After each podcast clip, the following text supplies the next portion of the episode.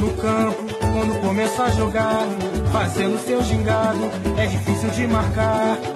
Fita pra ali, fita pra lá, fita pra cá, com a bola nos pés, ninguém consegue. Ele sabe fintar. Fita pra ali, fita pra lá, fita pra cá, com a bola nos pés, ninguém consegue lhe roubar. Velkommen til Brasserbold. Når man følger fodbolden i Brasilien, gælder det om at være hurtig på aftrækkeren. Et kort øjebliks uopmærksomhed kan medføre, at man mister fodfæstet og bliver overhalet indenom af resultater, ingen havde regnet med. De resultater, jeg snakker om, fandt nemlig sted i Copa Libertadores, hvor en af de helt store, hvor et af de helt store hold pludselig befandt sig i den dybeste kulkælder. Vi dykker ned i turneringen og ser nærmere på de brasilianske præstationer i den forgangne uge. Hvis vi vender blikket mod Danmark, har vi et hold, som meget gerne vil være med i Europas gode selskab. Her taler jeg selvfølgelig om FC Midtjylland, og som I sikkert ved, har de tre spillere i truppen. I den forgangne weekend var jeg en tur i Herning, hvor jeg havde en snak med Evander og Junior Bromado om fodbolden i Herning og i Brasilien. Ydermere blev det til en samtale med Herning Folkeblad om de tre brasilianers gang på den jyske hede. Selvom de kontinentale turneringer trækker overskrifter, så står ligaen altså ikke stille. Og her har vi nu gang i den 11. runde, og det har betydet, at der nu udkommer nye sportsaviser, når Peter skal ned til den lokale Jornalero og nyde en kold Guaraná. Det brasilianske landshold skal snart spille deres første VM-kval. Det betyder, at landstræner Chiche har udtaget en flok spillere, som skal forsvare den blågule farver, og blandt andet har vi jo også fået en helt ny dreng i klassen. Den kvindelige landstræner er også kommet i fokus, men dengang handler det altså ikke om fodbold, men om at få den brasilianske kultur ind under huden. Og det betyder, at vi slutter podcasten af med en gang god musik, både med og uden Pia Sundhauge. Velkommen til Pressebold. Mit navn det er Andreas Knudsen. Jeg sidder godt rodfæstet i Randers, og Ligesådan i øh, Brasilien, i Belo Horizonte nærmere, nærmere sagt, der sidder du, Peter Arnholdt, og vi har jo lavet podcast til Brasserbold i over fire år nu, og vi bliver jo ikke trætte af at snakke om øh, brasiliansk fodbold. Og vi er blevet endnu mere hugt på at snakke om det, når vi nyder vores øh, kolde Guadana, som jo er vores sponsor, og når vi kan lave noget her til også til Mediano Sandbox, så endnu flere kan få det her øh, brasilianske fodboldhumør ind under huden. Og jeg skal jo stille det, det vanlige spørgsmål, det er, hvad har du fået din fodbolduge til at gå med? For du kan ikke gå ned til aviskiosken hver dag og købe den samme avis og drikke en kold Guadana, eller kan du? Ja, det kan, jeg, det kan jeg i og for sig godt. Altså, det er jo rigtig godt lige her i, i de her dage, fordi det er et af de lokale hold, der, der topper øh, rækken. Men ellers så øhm, har jeg jo så kunne glæde mig over de her kampe i Copa Libertadores. Øhm, og, øhm, og så også det, at øh, U20-turneringerne, de er jo øh, begyndt hernede igen, ikke? Og, og senere i dag, så, øh, så er der en, en kamp her, som jeg så skal se på Mike Cujo. Man, man kan jo ikke rigtig komme ind og se kampe øh, hernede i Brasilien. Der er jo stadigvæk en, en masse øh, restriktioner. Men, men øh, det, det glæder jeg mig til som, som et, et lille barn, altså se de, de kommende øh, talenter. Og, og de har fået en landsdækkende turnering hernede i Brasilien, både på U20 og U17 øh, niveau. Ikke? Og det gør det jo lettere at følge med øh, hvor det tidligere var, var en masse regionale turneringer, så var der nogle ekstra, nogle enkelte turneringer, der, der poppede op og varede en, en måned i São Paulo eller, eller her i Minas, ikke, hvor man så fik hele, hele, det hele præsenteret. Men nu bliver det så spredt lidt ud, og det er jeg glad for. Men du, du, ja, du har jo så sandelig også været på farten, Andreas. Øh, jeg har jo fået noget, noget materiale i, i ny og næ, øh, og hvem du har snakket med, og, og ja, og der, ja, der, der er travlt det, det kan du tro, jeg har, Peter. Og, og, og jeg var glad, øh, når man blev inviteret til at ud, ud og se fodbold. Lidt under triste omstændigheder for øh, dagen før vi skulle ud og se den, jeg skulle ud og se den her fodboldkamp mellem FC Midtjylland og Lyngby, så blev det simpelthen lukket godt og grundigt ned for alle tilskuere. Så der var altså kun 300 til stede inde på stadion. Lidt trist, øh, men så nær omstændighederne øh, nu. Men det kommer jeg så til at høre i, øh, om lidt senere, når vi har snakket blandt andet Copa Libertadores, hvor der kommer sådan et helt øh, segment, kan vi sige, om, øh, om min tur til Herning. Men siden vi har snakket sidst, Peter, så har jeg jo altså også krasset lidt i den, øh, i den brasilianske fodboldmytologi, hvis vi skal kalde det det. For vi snakkede jo sidst om den gode Saci Perere, som er maskot for, for International. Og jeg gik rundt ved mig selv og tænkte på, okay, ja ja, der findes øh, mange maskotter. Flamingo har den der grib, og de fede, der er historien bag griben, der landede på banen, øh, da det gik rigtig skidt, og så vendte det hele for Flamingo, og derfor har de så en grib. Og så tænkte jeg, hvad er det, der gør, at man har i International har Sassi Badada som, øh, som maskot? Og først så brugte jeg jo det dejlige internet og kiggede lidt, og der fandt jeg nogle historier, men så tænkte jeg, ej, jeg vil da høre det fra, fra, fra hestens mund. Og så ringede jeg til, til vores gode ven, Fabio Fantastico, og ham kan jeg love jer for, at I kommer til at høre øh, om i næste podcast, og det kommer vi også lidt ind på lidt senere. Men jeg spørger ham, han er jo kæmpe international fan, siger jeg, hvorfor er det, at man har Sassit Padada som, øh, som maskot i klubben, og han forklarer, at det kommer så øh, af tidernes morgen, at den øh, kan man sige, rivalisering, der er mellem Gremio og International, Gremio som en fine, fine, pæne klub med alle de rige og alt det korrekte, og så har vi International med alle arbejderne, de sorte, de undertrykte osv. osv. Det er altså en længere historie. Og øh, der valgte man øh, hos International at vælge noget, der kunne symbolisere dem, øh, på en måde, som har rod i den brasilianske øh, ja, folklore, og så samtidig også måske repræsenteret lidt de folk, der var med i klubben, det var altså for, øh, øh, i tidens morgen, der måtte øh, hvad hedder det, sorte mennesker ikke spille for, for Gremio, så derfor fik de lov til at spille hos øh, International. Så derfor valgte man denne her figur, den etbenede øh, sorte dreng med den røde hue, som ryger pibe, som deres maskot, som kan noget, øh, som andre ikke kan, og så kommer frem til Allerhelgens aften og, og alt det der. Så der blev noget mytisk omkring klubben, og samtidig så fagnede man så over den, øh, den kultur, som, som var i klubben, og så sagde, at vi tager noget ærke brasiliansk, og så kan vi øh, bryste os af det over for, for storebror, storebror Gremio, som, øh, som, som det er. Og det synes jeg faktisk er en rigtig god historie, og det viser også lidt den folkesjæl, der er i, i Brasilien og brasiliansk fodbold, at man skal bestemt ikke forklejne noget som helst, når man ser billeder og fotografier og alle mulige historier i de forskellige klubber, for der ligger altså simpelthen noget bag. Også de der ritualer, når altså spillerne går ind, så man skal ikke, øh, man skal ikke bare kaste den til hjørne og sige, der ikke findes overtro og sådan noget på, på fodboldbanerne i Brasilien, og det synes jeg er et rigtig, rigtig spændende emne. Ja, Andreas, og også en anden ting, der, der er lidt specielt her, det er jo ikke, fordi det er så mange år, at den her øh, figur, Sassi, han har været maskot, altså det er jo tilbage i 2000, og 10, øh, som jeg mener, du fortalte det. Øh, så, så det er jo et eller andet sted også, øh, ja, vi ser jo også fodboldklubber, der tager nogle, nogle, nogle gode sange øh, til sig, ikke? og så bliver det jo netop ja, næsten dem, der har, har opfundet dem, eller dem, man identificerer øh, med en sang, altså You'll Never Walk Alone. Ikke? Der er jo øh, kamp mellem Celtic og, og Liverpool om, hvem der egentlig jeg vil ikke sige har skrevet den, men hvem der først den rigtige øh, tog sig til den.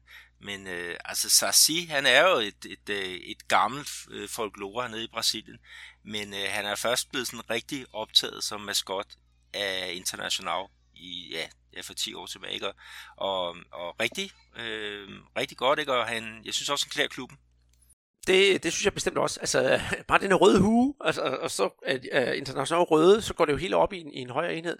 Og når vi kommer lidt længere frem i podcasten og skal snakke det her Copa Libertadores, det er meget, meget snart, så har jeg også en lille bonushistorie om en af de her klubber, som er, er med i Copa Libertadores. Det er dog ikke en af de, de brasilianske, de bliver nemlig kaldt for djævlene, og det har jeg en sådan en lille baggrundshistorie om. Men Peter, Øh, det er nu, det sker. Vi optager jo næsten podcast på det forkerte tidspunkt. Det kan vi troligt sige. Vi optager onsdag aften.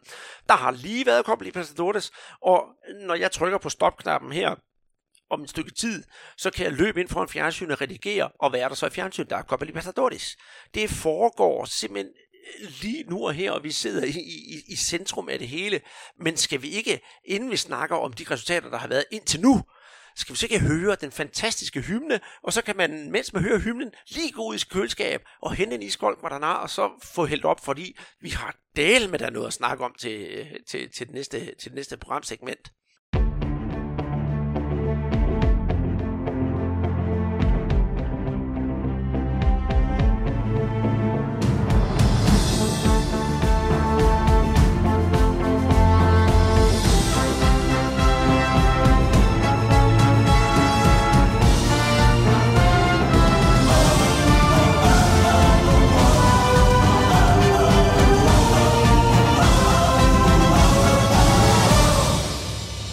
Oh, sikke en fantastisk hymne.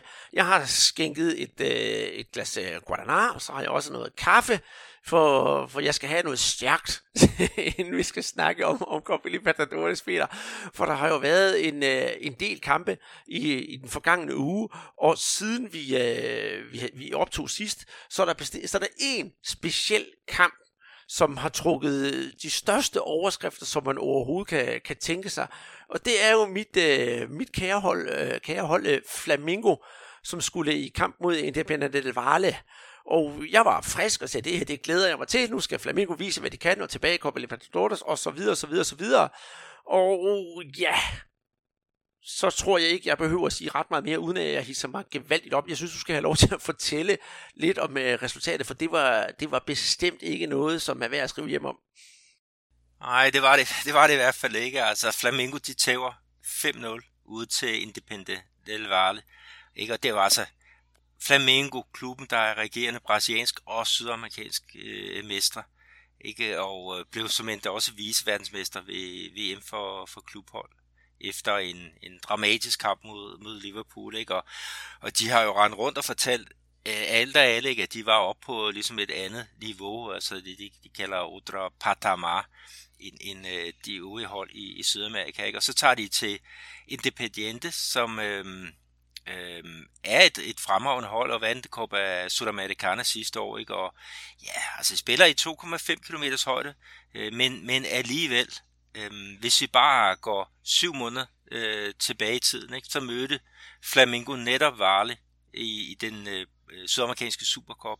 Og der vandt brasserne altså 5-2 samlet, efter at have hentet 2-2 ude i, i højderne øh, i det første opgør. Ikke?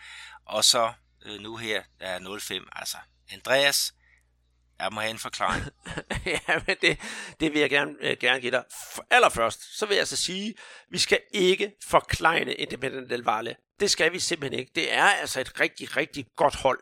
Men jeg skal også være ærlig at sige, at Flamingo de havde simpelthen en off-day af en anden verden. Altså, det, jeg har sjældent set så, uh, så slatten opvredet en karklud, som, som Flamingo var. Og jeg kan ikke huske, hvornår det sidst havde en statistik, der hed altså kun 37% boldbesiddelse. Og med hensyn til afslutninger, der havde Independent del Valle 21 afslutninger mod Flamingos sølle 7. Og når man er vant til, øh, lidt som brasilianer, og det hele taget som Flamingo, man er vant til at se, at det er Flamingo, der deler lusinger ud, så var det fuldstændig forrygt at se Flamingo få en, øh, en, en lusing af den slags. Det var, synes jeg også, den første rigtig alvorlige test for, for, for deres træner Dominic Torrent, og jeg tænkte, okay, det her, det, det, det er nu, at, at alt det skal, det skal stå, ikke også? Han stillede op i en øh, 4-4-3, som, ja, den fungerede jo langt fra, og det virker for mig, som om, at øh, han ikke rigtig havde, havde tænkt over tingene. Det har han selvfølgelig. Øh, en ting er selvfølgelig, øh, at, de, at de spiller op i højderne. Det, det har også noget at sige, men det skal ikke være det, som man kan sige, skal være det kampafgørende. Men det, øh, den han gjorde, han stillede ekstremt offensivt op, og det var blandt andet, at han stod inde på midtbanen, så havde han øh, øh, Diego og Gerson, som var placeret helt fremme og skulle ligge sådan et, et virkelig Jürgen klopp super gegenpres på Independentes forsvarsspiller.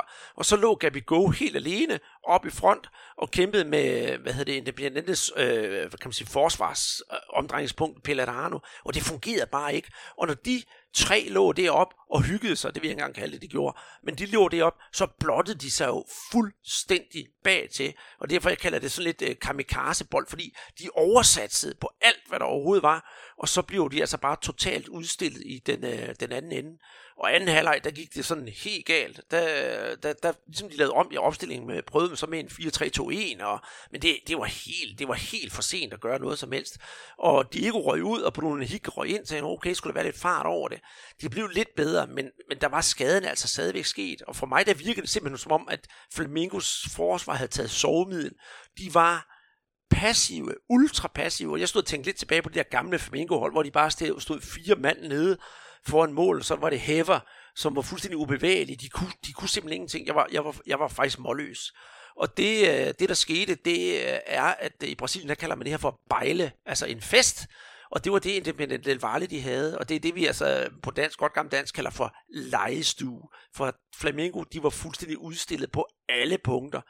Og det er klubbens absolut lavpunkt i 2020, det kan vi troligt sige. Og bagefter kampen, der var ingen undskyldning fra nogen af dem. Jeg skal vel sige, de lagde sig jo alle sammen fladt ned og sagde, det her, det er simpelthen noget af det værste, der nogensinde er sket, og det gjorde Dominic Torrent også. Og der var også det i det, at, øh, at, at bagefter, så gik det jo straks med det samme. Er han blevet fyret, eller er han ikke blevet fyret? Jeg tror endda, Peter, du må, jeg, jeg vil ikke lige lægge hovedet på blokken, jeg tror endda, jeg så på et tidspunkt, Fox Sports i Brasilien havde lagt et tweet ud, hvor der står, at han var blevet fyret. Det er han altså ikke. Øh, men, men det var meget, meget tæt på, tror jeg. Øh, men man har altså holdt fat i ham, og det er jeg altså glad for.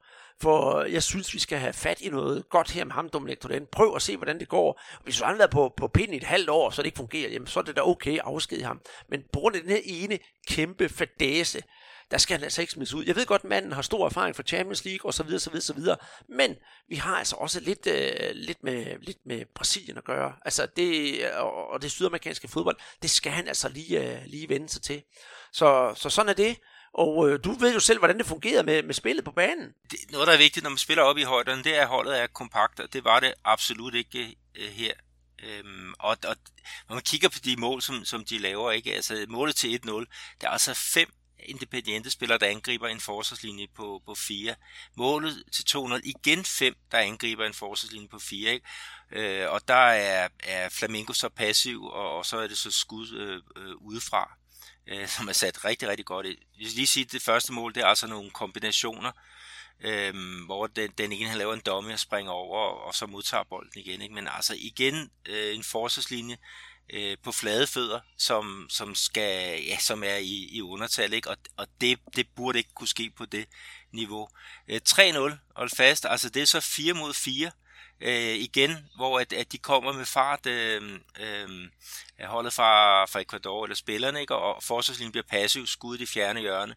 Øh, 4-0, det er en kontra, hvor de ender i en, en øh, 3 mod 3, og den bliver så elegant sat ind med, med hælen. Og så det sidste øh, mål til, til 5-0, altså langskud, øh, der, der kommer ind i, i overtiden. Altså, det, det er bare nogle, øh, nogle fejl, ikke, hvor man kan sige, jamen, altså, hvad, altså det er jo et angrebshissigt hold, øhm, øh, øh, Independente del Valle, og, og hvordan skal man så forholde sig, når man kommer i, i øh, nærmest i undertal, eller, eller er numerisk lige nede i de bagerste rækker, ikke?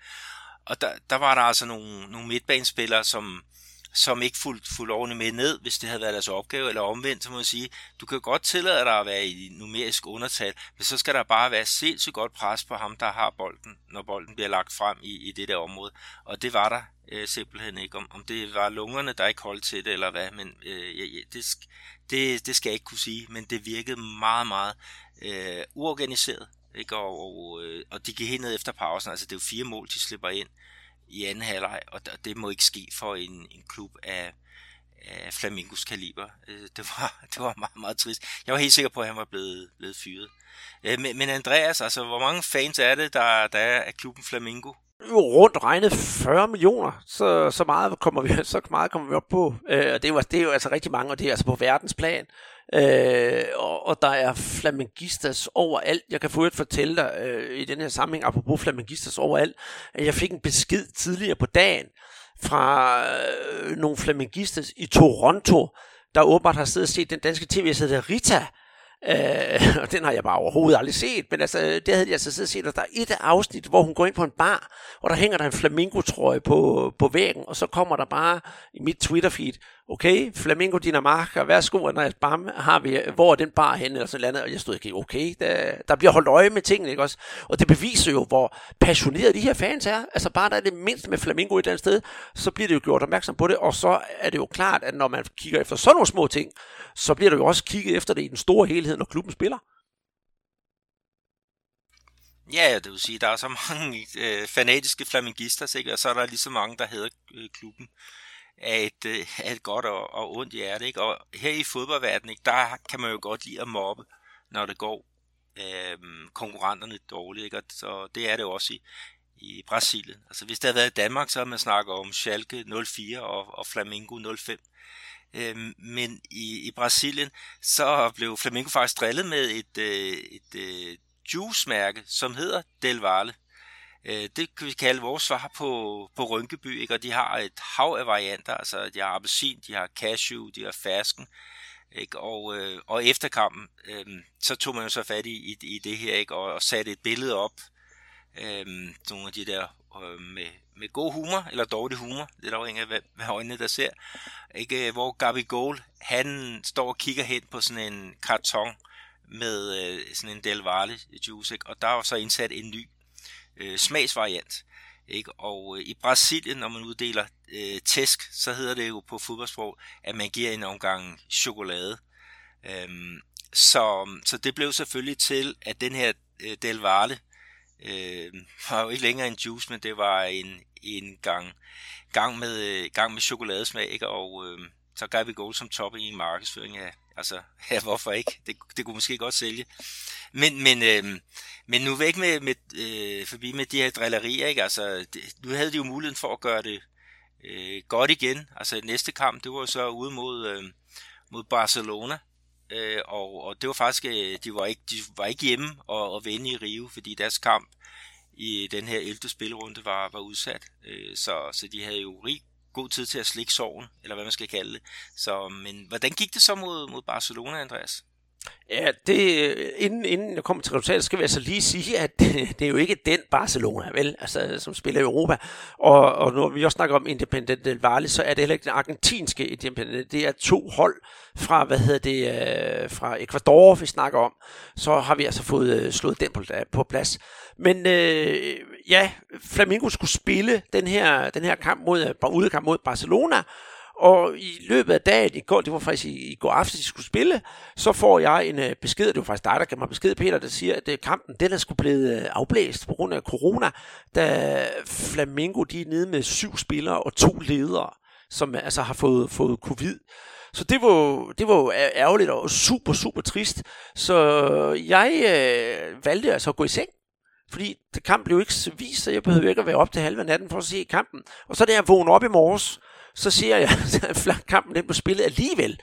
Og altså åbenbart ikke blev aflæst, og Flamingo de vandt altså kampen 2-1, og lov for det. Og så kunne jeg i dag sidde og se et, øh, et længere sammendrag på, på en times tid. Og jeg synes, at øh, Flamingo spillede ikke fremragende. Det gjorde de bestemt ikke, og, og det var sådan, man sad lidt ude på, på sædet til sidst.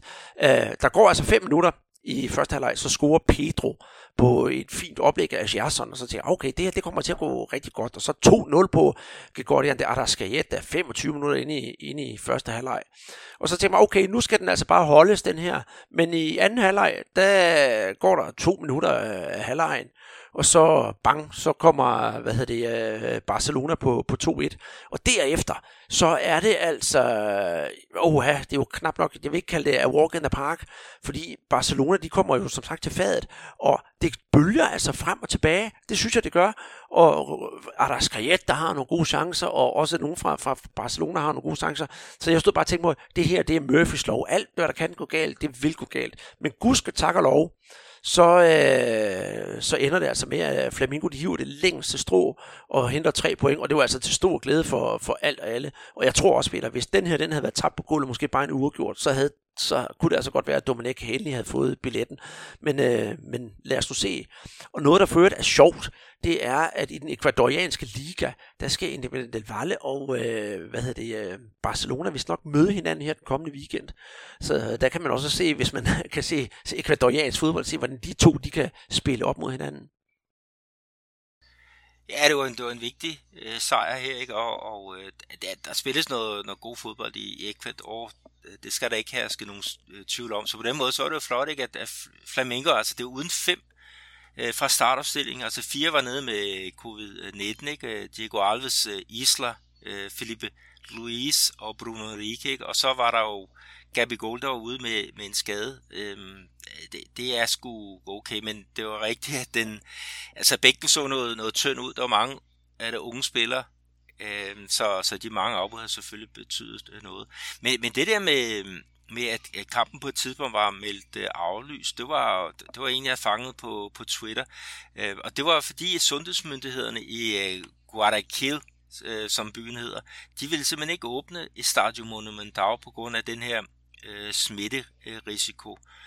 Men der har kommet altså det sydamerikanske fodboldforbund, nok øh, sat fod ned og sige, det her, det, det, det nytter sgu ikke noget. Vi skal have spillet øh, den her kamp. Ikke? Og, og sådan som, som vi ser øh, sådan rundt omkring i, i Sydamerika, ikke? så skal der godt nok øh, øh være mange, der, der ligger på sygebriksen, før at man får, får udsat en, en kamp. Men det, det øh, kan vi også komme ind på her, fordi øh, Flamengo, de skal nemlig øh, spille her igen øh, mod øh, Palmeiras, så det er så i den hjemlige øh, turnering.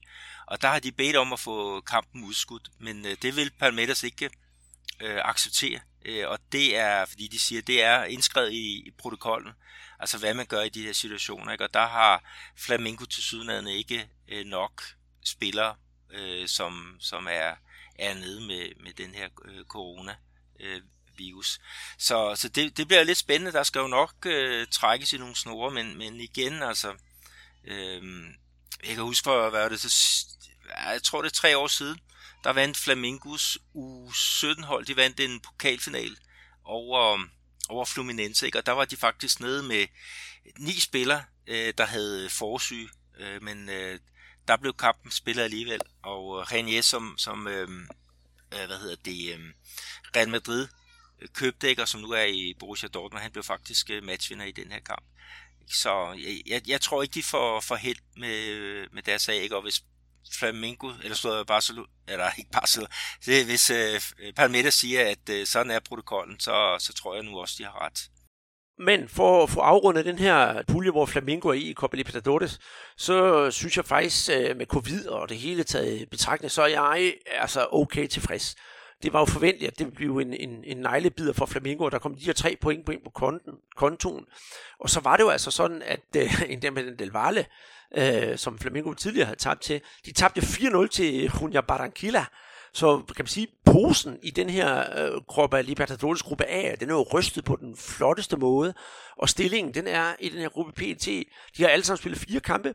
Vi har Independiente Valle med 9 point på førstepladsen. Så har vi Flamingo også med 9 point på andenpladsen. Og så har vi på tredjepladsen Junior Barranquilla med 6 point. Og så Barcelona, det er puljens brygelknappen med 0 point efter fire kampe målscore, der hedder 2-10. Så der er altså, spændingen er altså intakt blandt de, de tre første, og det kan vi jo altså kun glæde sig til.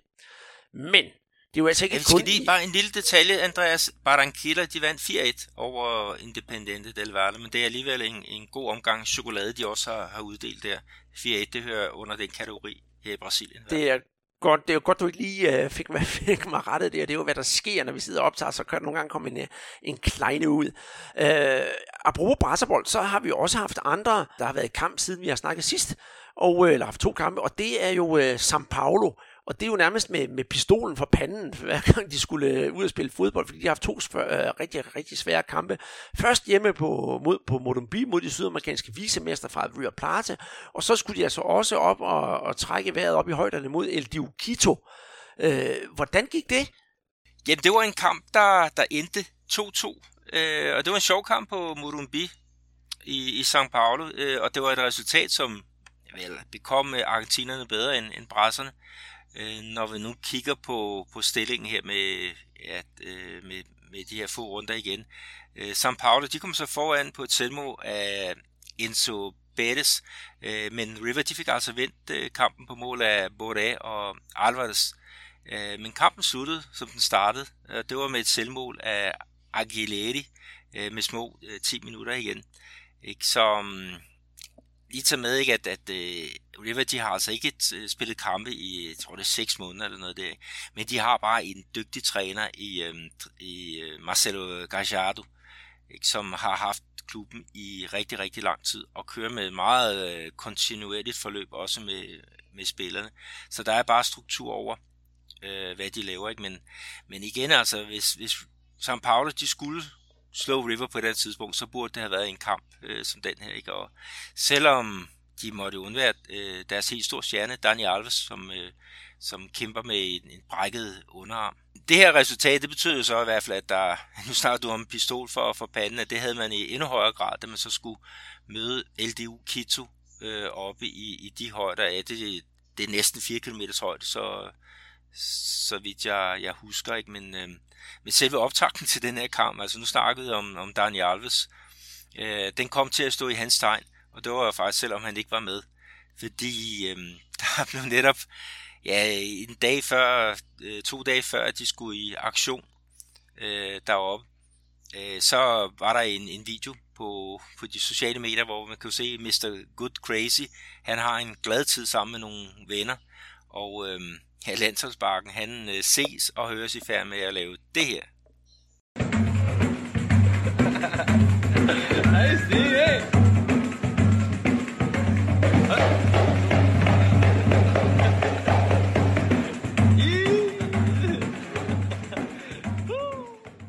Ja, Andreas, øh, man ser ham simpelthen slå på, på tromme. Øh, han er i sammen med, med nogle venner og så er han i gang med, altså, jeg tror det hedder en, hvad hedder sådan en, en tromme, en kanka, tror jeg det hedder.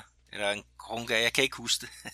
men men øh, det er en stor en, men han er i hvert fald, øh, han slår nogle, nogle hæftige rytmer.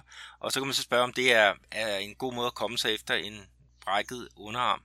Øh, fansen er i hvert fald ret sure. Og øh, hovedpersonen selv, ikke, han svarer igen med ordene. Øh, og jeg tror, I savner mig, men bare roligt, jeg er på vej. Og så tilføjer han så for det også, at der var seks personer og to hunde i hans øh, hjem. Fordi det var noget, noget andet, det der med, at øh, der var rygter om, at han var til en stor fest øh, ude i, i byen. Ikke? Og det er jo ikke smart med, med smitterisiko i, i de her øh, coronatider. Men øh, den typisk øh, Daniel Alves, så har han så senere også lagt en video op, hvor han står oprejst med selvsamme konkatrum øh, trukket ned over hovedet. Og så øh, har han også lavet en anden en, øh, hvor han sidder i sin bil, og så siger han, i går var jeg doven, men jeg kan fortælle, at der er to veje her i livet. Der er sandhedens og løgnens. Vælg din egen vej og vær glad, eller lad være. Øhm, og øhm, det, er, det er jo sådan meget øh, typisk øh, Dan Jarvis at, at, at lave sådan nogle, nogle videoer. Han er god med, på de sociale medier, ikke? Og, og på den måde kan han nok tage noget af, af gassen af, af ballonen. Men vi kan sige, ikke, at han brækkede armen, det var den 27. august, og han forventes at være spilleklar efter øh, 40 dage, men han træner altså øh, for fulde omdrejninger i, i São Paulo, hvor han så har en, en skinne øh, på. Øh, det havde han så ikke på her under hans, øh, hans rytmiske øh, øh, sektion her, men, øh, men sådan er det. Men LDU mod øh, São Paulo, Andreas, øh, 4-2 Ja, der er jo ikke noget at råbe hurra for, for São Paulo i hvert fald. Altså, LDU Quito 3-0 ved, ved pausen. Og så får Brenner lov til at, til at reducere. Øh, men øh, så, ja, LDU langskud 4-1, og så til sidst, Drelles med, får lov til at lave trøstemål med små 10 minutter igen. Og det lugter jo lidt af, at uh, São Paulo er på exit-kurs. De er i hvert fald, som de ligger nu, ligger på tredjepladsen, og så skal de til at spille Copa Sudamericana. Lidt uh, trist og lidt synd for, for São Paulo, men øh, uh, LDU Quito derimod, de er jo altså næsten sikre på at komme uh, videre, ind, og det kommer an på selvfølgelig, hvordan det går næste runde, hvor de møder River. De skal besejres ude øh, for at komme af point med og hente et point mere end argentinerne i sidste runde. Men som det går med São Paulo lige nu, så tror jeg altså, det er, det er São Paulo, der ender på, på tredjepladsen. Og, og hvad kan vi sige? Hvor er det, det kniver mest? Er det ikke i forsvarsspillet? Og det, det er det. Det er klart det, det ømste punkt. Øh, efter den her pandemi, ikke, der har de sluppet 1,6 mål ind i, i snit, ikke, og det er altså over øh, 15 kampe. Øh, Øh, deres øh, træner Fernando Dines, han har skiftet rigtig meget ud øh, i centerforsvar blandt andet, ikke, som i øjeblikket består af en, af en ung spiller af egen avl, og så en, en venstre bak, øh, Leo Pelé, øh, som er, er omskolet. Og øh, jeg ved sgu ikke, altså, rutinen i de bagerste rækker, ikke, det er jo altså Volpi, øh, målmanden, og så venstrebakken Reinaldo. Øh, Øh, og, og der har de sgu nok savnet nogen, nogen der kunne holde, holde det lidt koldt, ikke? selvom de selvfølgelig har Hernandez øh, på, øh, på, på midtbanen, men, men han kan ikke trække hele læsset. Ikke? Og Daniel Alves, han, han, var, han var savnet til at slå øh, rytmen der, deroppe i, i højderne. Mm-hmm. Det, det, må, det må man sige. Men øh, det bliver spændende at se, hvad der sker, om de kan komme tilbage, eller om de allerede har fået deres øh, exit. Vi skal nok øh, følge op på det. En anden kamp, som vi måske lige skal vende her, øh, af de øvrige, der har været her i, i tredje runde, selvom det måske er et stykke tid siden, der er noget af det positive, vi kan tage frem, det er kampen mellem International og America de Cali, som endte 4-3. Øh, der går et eller andet gammel joke, mener jeg, om, at øh, den der stand-up fyr, der siger, øh, der bliver altid scoret, når jeg er på WC. Hvem tror du, der havde dårlig mave, da Danmark mødte Uruguay? Øh, og det kunne man faktisk godt bruge i den her kamp, fordi som sagt, det ender 4-3, der foregår en lang historie kort. Så blev der scoret i, øh, efter 45 sekunder, og der blev scoret i det 90. 20. minut, og så var målene bare sådan spredt ud over det hele sindssygt medrivende kamp, super underholdende. Det var bare alt det, som det her, hvad hedder det, Copa Libertadores øh, skulle have, og det var for en gang skyld på den positive måde. Og America de Cali, nu kommer vi til de her klubhistorier her. Det, er, de kommer fra Colombia, og de bliver til dagligt kaldt for djævlene og deres øh, maskot det er en, en djævel, og det skyldes, at der var nogle kolumbiane, kloge kolumbiane journalister, der engang sagde, at spillerne de løb så hurtigt som djævlen, eller noget af den stil, eller de løb som djævlen var efter dem, altså de var enormt hurtige. Og det tog klubben til sig på den mest positive måde, og nu har de altså en, øh, en øh, djævel som, øh, som maskot. En anden kamp, som også blev spillet, det var Bolivar, der mødte Palmeiras, og der vinder Palmeiras 1-2. Og der skal vi altså lige have med her, at øh, der bliver altså spillet også i, det bliver spillet i 3,6 km højde. Så det må også have været noget en mavepuster at spille for, for Palmeiras. Og øh, et af de mål, der bliver scoret, de bliver faktisk scoret af Gabriel Menino, som jo er nyudtaget landsholdsbak, og det kommer vi altså også ind på senere. Det var så de positive, Peter, øh, hvis vi kan sige det. Og så har vi også nogen, som måske kan sige, de dumpede øh, Copa Libertadores-runden her i, øh, i, øh, i sidste uge. Og en af dem, det er øh, vores kære klub Gremio, som jo har den charmerende, charmerende træner Renato Gaucho, eller Renato Bortaluppi, øh, på den varme stol. Og endnu en gang var det udtur for, for Gremio. Og vi har netop mange gange snakket om, at Renato Bortaluppi, han er hjernen bag det her Gremio, som er et godt øh, Copa Libertadores hold. Men øh, med nederlaget, til, nederlaget her til Universidad Católica, der begyndte man faktisk at snakke om, der skulle nye kræfter til, om hans tid i, i, i Gremio er, er slut. Men Renato, han er altså en øh, snurev, som uh, kender pressen ud og ind, og han manede altså til ro og sagde, at selvom klubben ikke er inde i sin bedste periode, så er der altså ikke nogen kriser. Og hvis der er nogen, der snakker om, at klubben er på katastrofekurs, så er det pressen, og det er pressen, der, der pisker en stemning op. Og hvis der skulle være problemer af nogen som helst slags i klubben med ham, så skal han nok være den første til at gå. Og det er ret smart gået, synes jeg, sådan rent øh, at håndtere pressen på den måde. For så fik han jo sådan lagt pænt låg på, på, på gryden, selvom der er kogende olie i, der næsten er ved at gå i brand.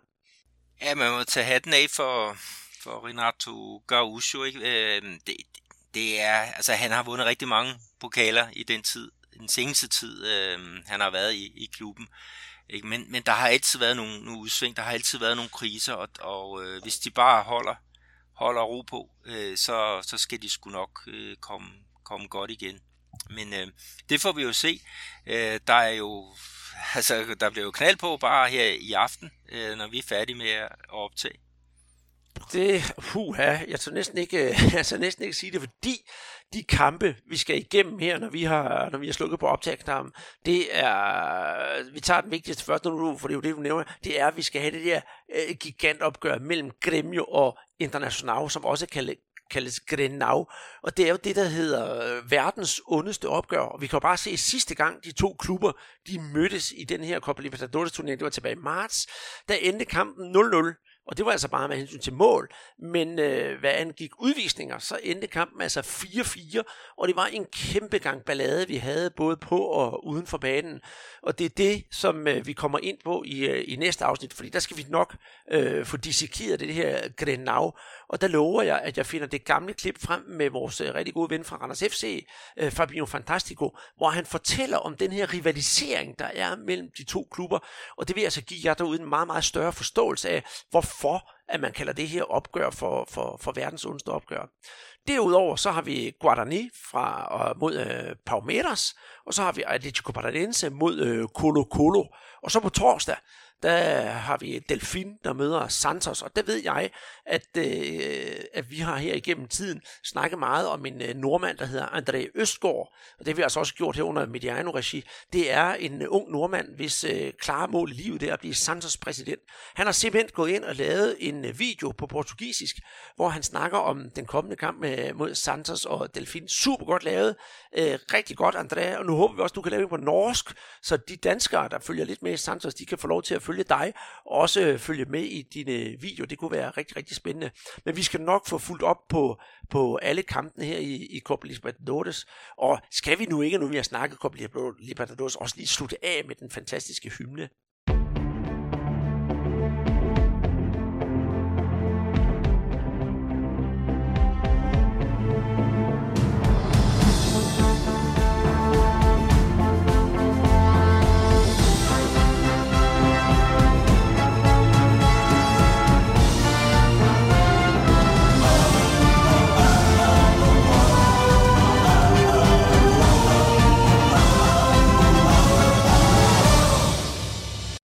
Jeps, et herligt kapitel i dagens podcast er overstået, og nu bladrer vi så om til næste side, hvor vi også finder et, øh, et kapitel om en klub, som måske skal til at spille øh, den europæiske ekvivalent til Copa Libertadores, nemlig Champions League. For det er ingen hemmelighed, at ja, øh, Superligaen jo selvfølgelig en gang imellem også får vores opmærksomhed. Og det gjorde den faktisk i, i den her uge, synes jeg, rigtig positivt, for vi havde for første gang i FC Midtjyllands historie i hvert fald tre brasilianere på banen på, for, på samme tid for samme hold. Og hvis der er nogen af jer, der kan huske derude, der kan huske, hvornår det sidst er sket i den danske Superliga, så skriv endelig til os, for det kunne være rigtig sjovt at vide. Og så skal vi altså heller ikke forklare, at nede i øh, Vejle, der havde vi jo en Alan Sosa, som scorede to mål. Så vi har både haft øh, brasilianerdong i Danmark, og en, øh, en lille historisk øh, kamp mellem øh, Lyngby og FC Midtjylland. Selve kampen, den var måske ikke så meget at skrive hjem om. Men jeg var altså en øh, tur i FC Midtjylland, og hvis øh, vi nu siger det sådan på, på godt gammeldags radiosprog, Peter, så stiller vi lige øh, over til Andreas Knudsen i Herning, og så ses vi igen på den anden side.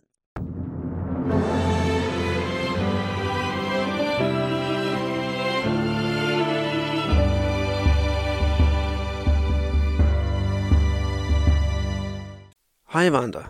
En af de ting, jeg kunne tænke mig at spørge dig om, og som mange har spurgt os om, det er, hvad du synes forskellen er på fodbolden i Danmark og i Brasilien lige nu. Acho que, que a diferença entre o futebol brasileiro e o futebol dinamarquês é den forskel, som jeg synes er størst, må nok være spørgsmålet om intensitet. Jeg synes, at fodbolden i Brasilien er en smule langsommere, men på et andet og meget højere teknisk niveau. Fodbolden i Danmark er også mere intenst. Man er hurtigere over hinanden og hurtigere på bolden, og det er meget mere fysisk anlagt end i Brasilien. Desuden synes jeg også, at meget af spillet foregår i luften og ikke langs jorden, og derfor er mange spillerne også mere på den fysiske end den tekniske del og bedre i luftspillet. Men det er lige det umiddelbart, hvad jeg kan sige, jeg synes er den største forskel mellem fodbolden i de to lande. Para mim essa é, a principal diferença. Jeg synes mange gange, Evander, at man ser sådan en speciel passion i brasiliansk fodbold. Folk bliver til Gud inden kampen og er ikke bange for at give sig 110 procent, som vi for eksempel ser, når Grêmio International spiller, eller når det brasilianske landshold spiller, hvor spillerne også står og, og græder. Pelo que a gente joga aqui no Midland, a gente não, não sente falta disso, porque é um time que que quando joga entrega tudo ja, i campo, né? her i Midtjylland er det ikke rigtig noget, jeg egentlig har lagt mærke til. Jeg synes, vi er en trup, som ved, hvad der kræves af os, og kulturen i klubben er at spille for fuld udblæsning, da vi jo har nogle mål, der skal nås.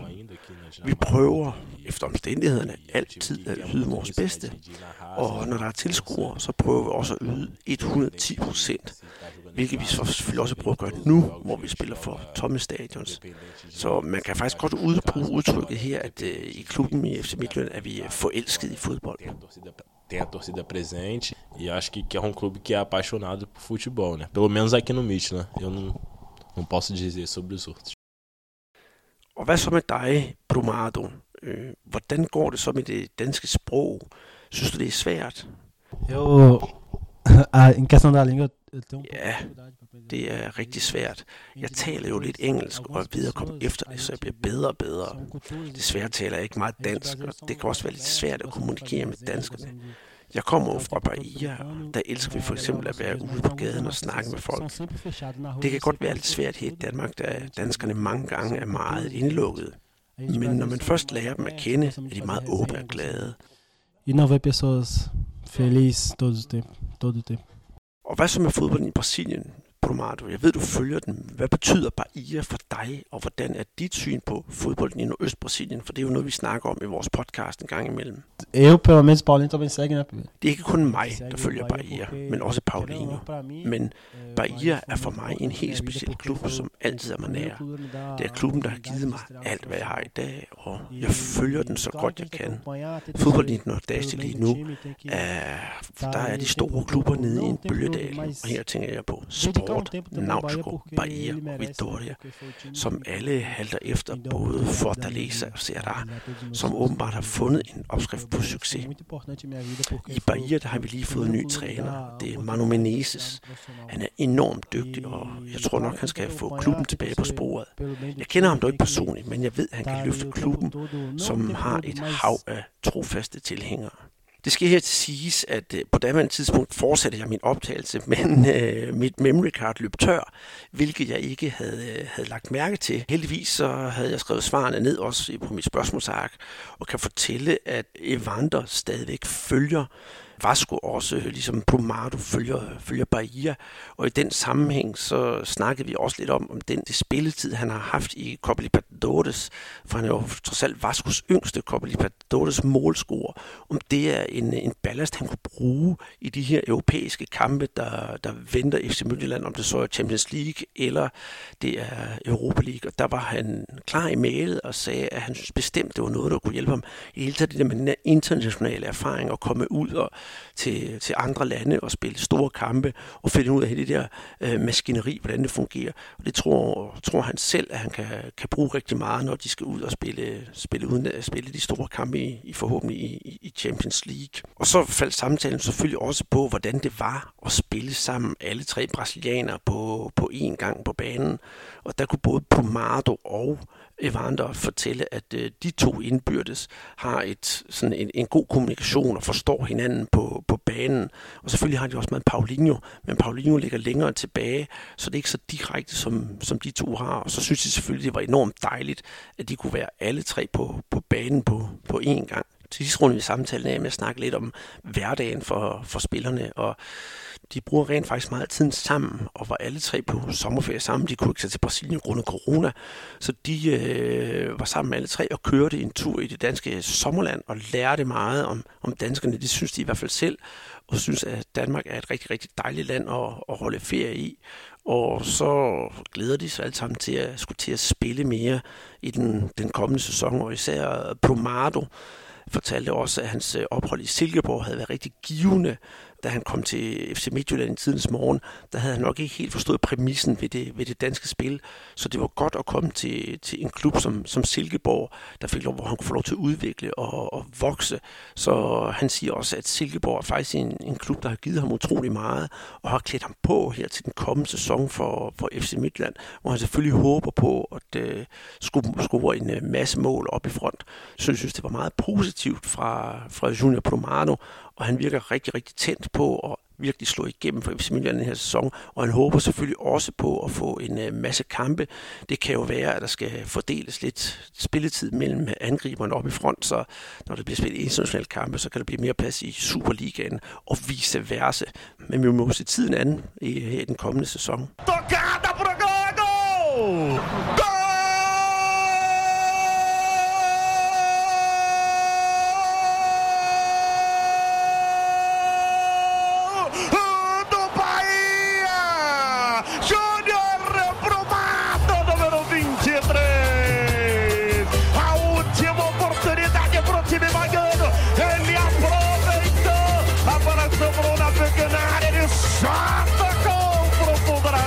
Gol! Tava livre, hein? Esqueceram do Brumado.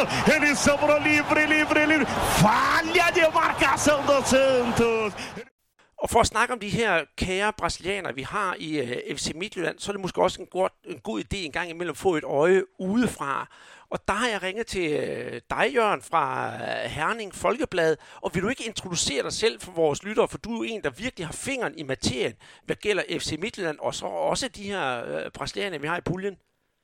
Jo, jeg kan da godt præsentere mig selv. Jeg hedder Jørgen Jus Christensen, jeg er sportsredaktør på Herning Folkeblad, og det har jeg været gennem de seneste ni år, og derfor har jeg selvfølgelig også haft lejlighed til at følge de her brasilianske eventyr, som FCM ligesom har kastet sig ud i med det her, øh, ja, trækløver er det jo i øjeblikket. Mm. Og, og, og det er jo det, jeg godt kunne tænke mig at høre lidt nærmere om, fordi jeg har mødt de kære fyre. Sidste år var de fire, nu, nu er de jo så kun, nu er de så kun tre, og på et tidspunkt med sidste år, der var de rent faktisk kun to.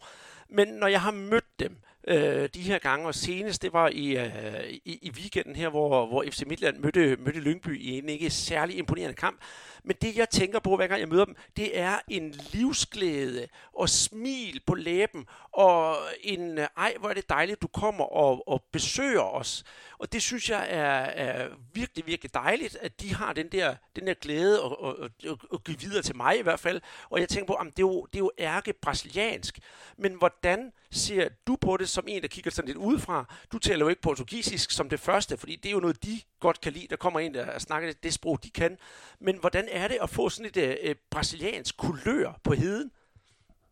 Livsglæden kan jeg også godt se øh, i, i, i dem, og den livsglæde, som du beskriver, tror jeg også hører til den brasilianske folkesjæl. Jeg var til OL i Rio de Janeiro i 2016, og det er, der, der er nok ikke nogen tvivl om, at brasilianerne som udgangspunkt er et glad folkefærd. Og det er jo kun godt at se, at det ligesom også er kommet med til det midtjyske. Man kunne jo godt være bekymret for, at det ligesom kunne gå fløjten, og vejret er dårligt og så videre. Tidligere har FC Midtland haft en angriber, der hedder Bruninho, som ikke virkede til at trives helt nær så godt i, øh, i klubben, som dem her gør. Jeg tror også, de har noget ud af at have hinanden.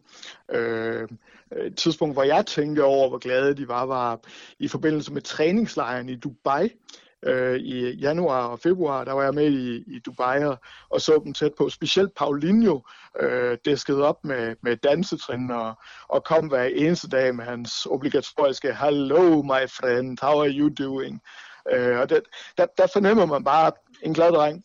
Mm. Og det, det er jo også det, jeg har oplevet, fordi da jeg var der øh, lige før sæsonafslutningen i, i, i juli måned, der kom jeg kørende ind på parkeringspladsen. Den første, jeg møder, det er rent faktisk Paulinho og Brumado, og de hilser på mig, og da jeg er færdig med at lave mit, øh, min snak med Paulinho, så gav han lidt fanden i det her corona, for jeg fik en kæmpe krammer og sagde, hvor er det bare dejligt, øh, hvor er det bare dejligt, du er her. Og da jeg ja. snakker med dem her nu, det var jo i, i, i lørdags, det var altså kun Evander og, øh, og Brumado, der fortalte de, hvordan de, de, de alligevel kommunikerer sammen på banen, og de har et, et sprog sammen. Øh, jeg synes jo som stadig, stadigvæk, det, det er utroligt festligt, men hvordan ser I også på det i Herning, sådan rent øh, spillemæssigt? Jeg synes, at øh, Paulinho er klart, jeg vil ikke sige, at han er den største stjerne, for det er øh, Evander jo med det CV, han har, men Paulinho er klart den, der har vokset aller, aller, aller mest. Er det også ham, man øh, sådan snakker mest om med de tre brasilianere i Herning? Ja, det, det er i hvert fald den, det, som du siger, det er den mest eksplosive udvikling, han ligesom har taget sig. Altså han, han ankom jo sidste sommer og fik jo i første ombæring egentlig pladsen forærende. Øhm, og det gik jo så, ja, skal vi sige, middelmåde til halvskidt i, øh, i de par kampe, han fik der. Og så ragede han en skade til sig. Og, øh, og imens han var ude, der valgte de ikke at give muligheden til Magdal Hente, der jo skulle sælges. Han blev ved med at blive holdt i, i baggrunden. I stedet satsede de på den kun 19-årige Nikolas Dyr, og han havde jo succes på holdet, og så tænkte man, okay, nu bliver ledet måske lukket for, for Paulinho, hvis en 19-årig spiller af egen avl præsterer som en, en solid og god vensterbak, som Nikolas Dyr gjorde. Men henover øh, vinterpausen blev det tydeligt for os, at Paulinho var blevet integreret, at Paulinho fungerede, at Paulinho også havde et større topniveau end, øh, end, end Nicolas Dyr har på, på nuværende tidspunkt. Men øh, jeg synes, det, det er værd at lægge mærke til de lette fødder, han har, når han bevæger sig hen over græsset, den fart, han har, den teknik, han har, når han kommer op. Og samtidig har han også fået lidt af den, øh, den defensive driftssikkerhed øh, med sig i spillet. Øh, han, han var den foretrukne venstreback gennem de, de sidste af træningskampene, hvor man tydeligt kunne se tegningen til, at det, nu bliver der satset på øh, Paulinho. Og der talte jeg selv med ham efter den ene af kampene, hvor han sagde, at specielt Christian Bakbak, øh, FC Midtjyllands assistenttræner, havde hjulpet ham ganske meget i hans, øh, i hans skal vi sige, måske ikke integration, men, men forståelse af, hvad det kræves i det, i det defensive spil i Superligaen. Altså kort og godt, hvad, hvad er egentlig til, at hvor meget må du tage ved? Hvordan forventes du at træde hen i nærheden af dine modspillere for at få lukket ham ned og, og så videre? Sådan så han måske også undgår den oplevelse, han havde i sin bare kamp nummer to for FC Midtjylland, det var en kamp imod Nordsjælland, hvor, hvor hvad hedder det, Isaac Atanga fra Nordsjælland løb fra ham nogle, nogle gange i, i, i den kamp. Der, der så det for mig ud som om, at Paulinho ikke rigtig vidste, hvad han skulle gøre, når han var oppe imod en spiller, der rent faktisk var hurtigere end ham selv, hvor han måske nok som oftest oplever det modsatte, nemlig at han, han blandt andet kan leve på sin egen fart. Mm. Og det så vi jo allerede her, da, da, da FC Midtjylland de mødte Young Boys, hvor jeg sad, øh, jeg skal være ærlig sige, op to podcast i første halvleg, så jeg så anden halvleg, men den fik jeg at vide, det var klart den bedste, og den var jo også god. Og se, se, det her, se Paulinos fart, og den måde, han sådan klassisk, sådan lidt klassisk brasiliansk, af den der, den der øh, kan man sige, bak, der løber frem, og det elskede jeg simpelthen. Så, Gud, har vi nu fået en ægte brasiliansk bak i, i, ja. i dansk fodbold? Det har vi jo. Og så er der en anden en, jeg også gerne vil snakke om. Det er jo den gode øh, Junior Brumado. For et større smil finder man jo næppe, når man snakker med ham. Og han virker ærlig og, og også kærlig på den måde, han snakker, øh, snakker om fodbolden og om sit liv på og han kommer jo fra, fra, fra Bahia, hvor, hvor det jo er sol og strand og, og, og fodbold hele dagen lang. Og han siger, at han har jo aldrig, øh, han vil aldrig svigte Bahia, for det er jo det, han har fået hele sin fodboldopdragelse. Og hvis det ikke var for den klub, havde han jo ikke stået i FC Midtjylland i dag. Men når man så kigger på den kære Brumado, så kan man altså godt sådan vende mundvinen en lille smule nedad, fordi det har jo aldrig blevet til det der store gennembrud, som man har forventet. Jo vist, så kom han til Silkeborg i sidste sæson. Han sagde til mig i lørdag, at han var så glad for at komme til Silkeborg, for han synes, han manglede at lægge noget på sit spil og lære lidt mere om, hvordan fodbolden i Danmark og i Skandinavien fungerer. Og vi kan også godt sige, at han scorede jo nogle mål for, for, for, for, for Silkeborg. Men hvad skal der til for, at øh, uh, Brumado han kan få sådan det endelige sådan, stempel som værende, ja, det er fandme i orden i hos FC Midtjylland, fordi jeg synes bare der i lørdags, han var jo flankeret af to forsvar hele tiden, og fik jo ikke meget plads. Han fortjener jo, jeg synes i hvert fald, han fortjener lidt medgang. Ja, i lørdags lykkedes han ikke med meget, men i princippet synes jeg, at hans præmisser for at skulle lykkes i FC Midtjylland er gode. Øhm, fordi man kan sige, at i øjeblikket ligger han med en konkurrence op imod øh, Sori Kaba, øh, oppe i front. Så bare har den øh, endnu tungere prisskilt om, om halsen, men, men fælles for de to er det, det er sådan fysisk stærke angriber, duelstærke angriber. Så synes jeg, Bromado han har nogle tekniske fordele, men de har begge to en udfordring til fælles. De, de laver simpelthen for få mål, taget i betragtning af, hvor meget øh, af spillet i FC Midtlands kampe, der foregår op på den sidste tredjedel af, af, af banen. Og der tror jeg, der, der tænkte jeg for eksempel, ved, da Bromado scorede i, øh, i Champions League, League-kvalifikationen imod Ludogorets, der tænker jeg, måske er det nok. Måske er det mål simpelthen nok til, at han lige får næsen foran og får lov til at være, være førstevalg i den næste. Jeg, jeg har indtrykket af, at de der to angriber står meget tæt på hinanden. Øhm, nu i, i morgen, vi taler her mandag, i morgen der er der Champions League-kamp i, øh, i Slavia Prag. Der tror jeg, Brian Priske begynder med Sori Kaba på toppen. Men jeg tror heller ikke, han er mere førstevalg, end at vi ikke... Øh, altså, øh, hvis han har brug for et mål, når vi runder en time, så bytter han om på de to angriber og giver en halv time til brasilianeren. Så længere, længere bagefter er han heller ikke i, i, i den duel. Hvis jeg må stå en anden pointe ind, jeg sådan har hæftet mig ved, selvfølgelig Junior Bromado, så er det, at han, han har bosat sig i en lejlighed inde i, i hjertet af Herning, om man så må sige. Og man ser ham af, af til bevæge sig op og ned af, af gågaden. Øh, det er ligesom også med til at gøre ham til en lokal person. Øh, det synes jeg er glædeligt at se, frem for den mængde af FC Midtjyllands spillere, der vælger at bosætte sig i, øh, ja, enten med et stort hus ude til vandet i, øh, i Silkeborg, eller bosætte sig i Aarhus. Øh, der er han ligesom, han, han er havnet i Herning, og det samme er, hvad hedder det, Paulinho, mens Evander bor i et hus lidt uden for Herning, men, men stadigvæk i, i lokalmiljøet. Og der, der at de så meget sammen, de tre brasilianere, og hænger i øvrigt også en del ud sammen med et par af de andre Øh, Øh, hvad kan jeg sige, yngre udlændinge i, i, øh, truppen. Mm. Og jeg ved, at, at de, de, de, de hænger jo sammen som ærtehalm, de tre.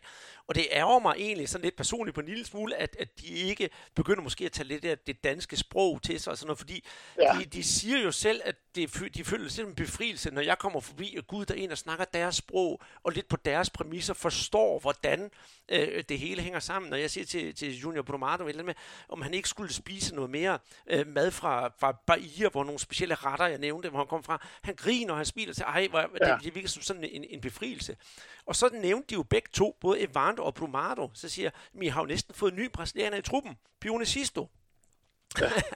Fordi jeg synes, at uh, Pione Sisto har nogle, nogle, nogle brasilianske tendenser. Det der med den lejende tilgang til spillet, og en eller anden uh, få det sværere til at se, se nemt ud. Og så spurgte jeg dem også om, om, om, om hvad de synes om det der Pione var kommet, og de var helt vildt glade. De sagde, at det var en ren fornøjelse, og han havde lidt af det der, det der brasilianske. Tror du, at Pione øh, med det, jeg vil godt kalde det lidt tunge CV, han har hos FC Midtjylland, kan være med til at løfte de her tre brasilianere, så de kan, kan komme op på et lidt højere niveau. For jeg synes også, at øh, nu så vi Evander her i, i lørdags.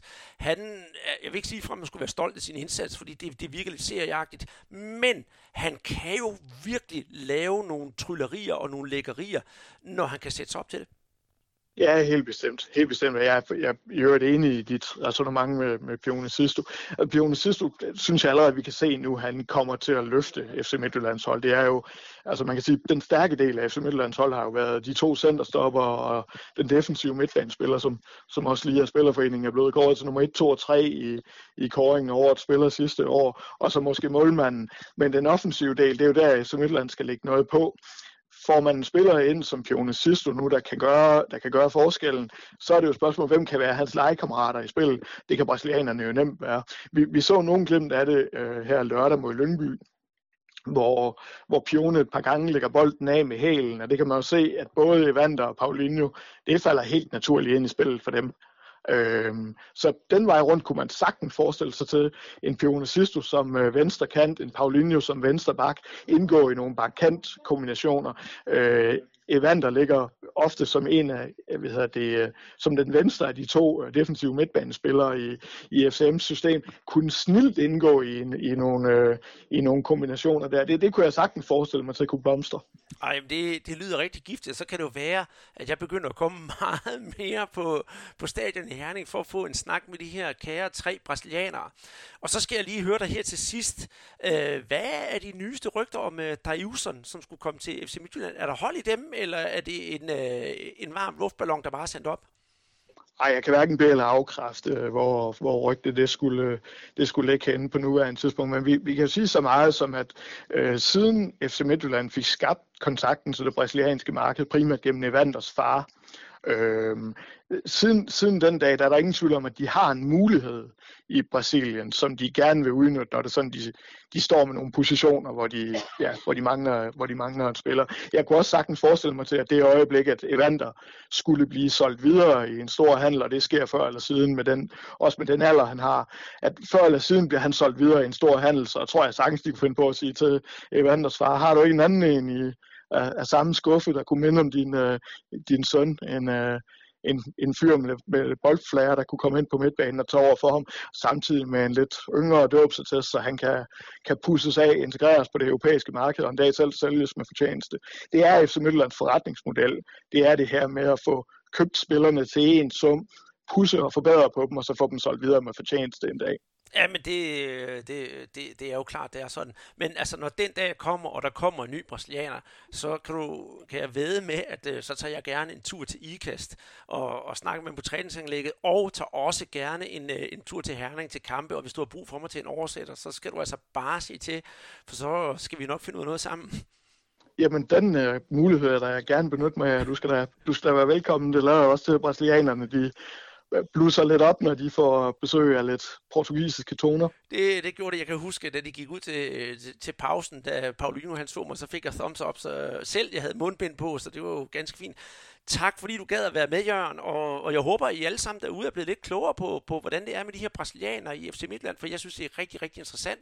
Og jeg kan ikke huske personligt, hvornår der sidst har været tre brasilianere i en startopstilling i en dansk Superliga-klub, så derfor synes jeg altså, at med FC Midtland, de skal have altså et, øh, et, øh, et thumbs-up-stempel herfra. Nå, nu er vi jo tilbage fra, fra heden, Peter, og så skal vi altså til at snakke om den brasilianske Serie A, som jo foregår 10.000 km væk fra, fra Herning.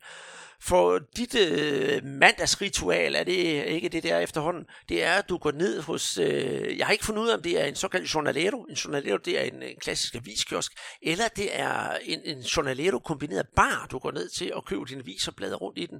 Men vi har i hvert fald fået et førerhold. Ja, det er, det er rigtigt, og det er de lokale drenge fra Atletico Mineiro. Ikke? Og, og hele historien der, det, det startede faktisk om, om lørdagen. Øhm, da førerholdet International de taber 1-0 ud til øh, Fortaleza. Det er faktisk deres andet nederlag i træk. Og øh, det betød så, at de lå i hvert fald øh, til at, at miste den første plads, som de har siddet på i de sidste øh, seks runder.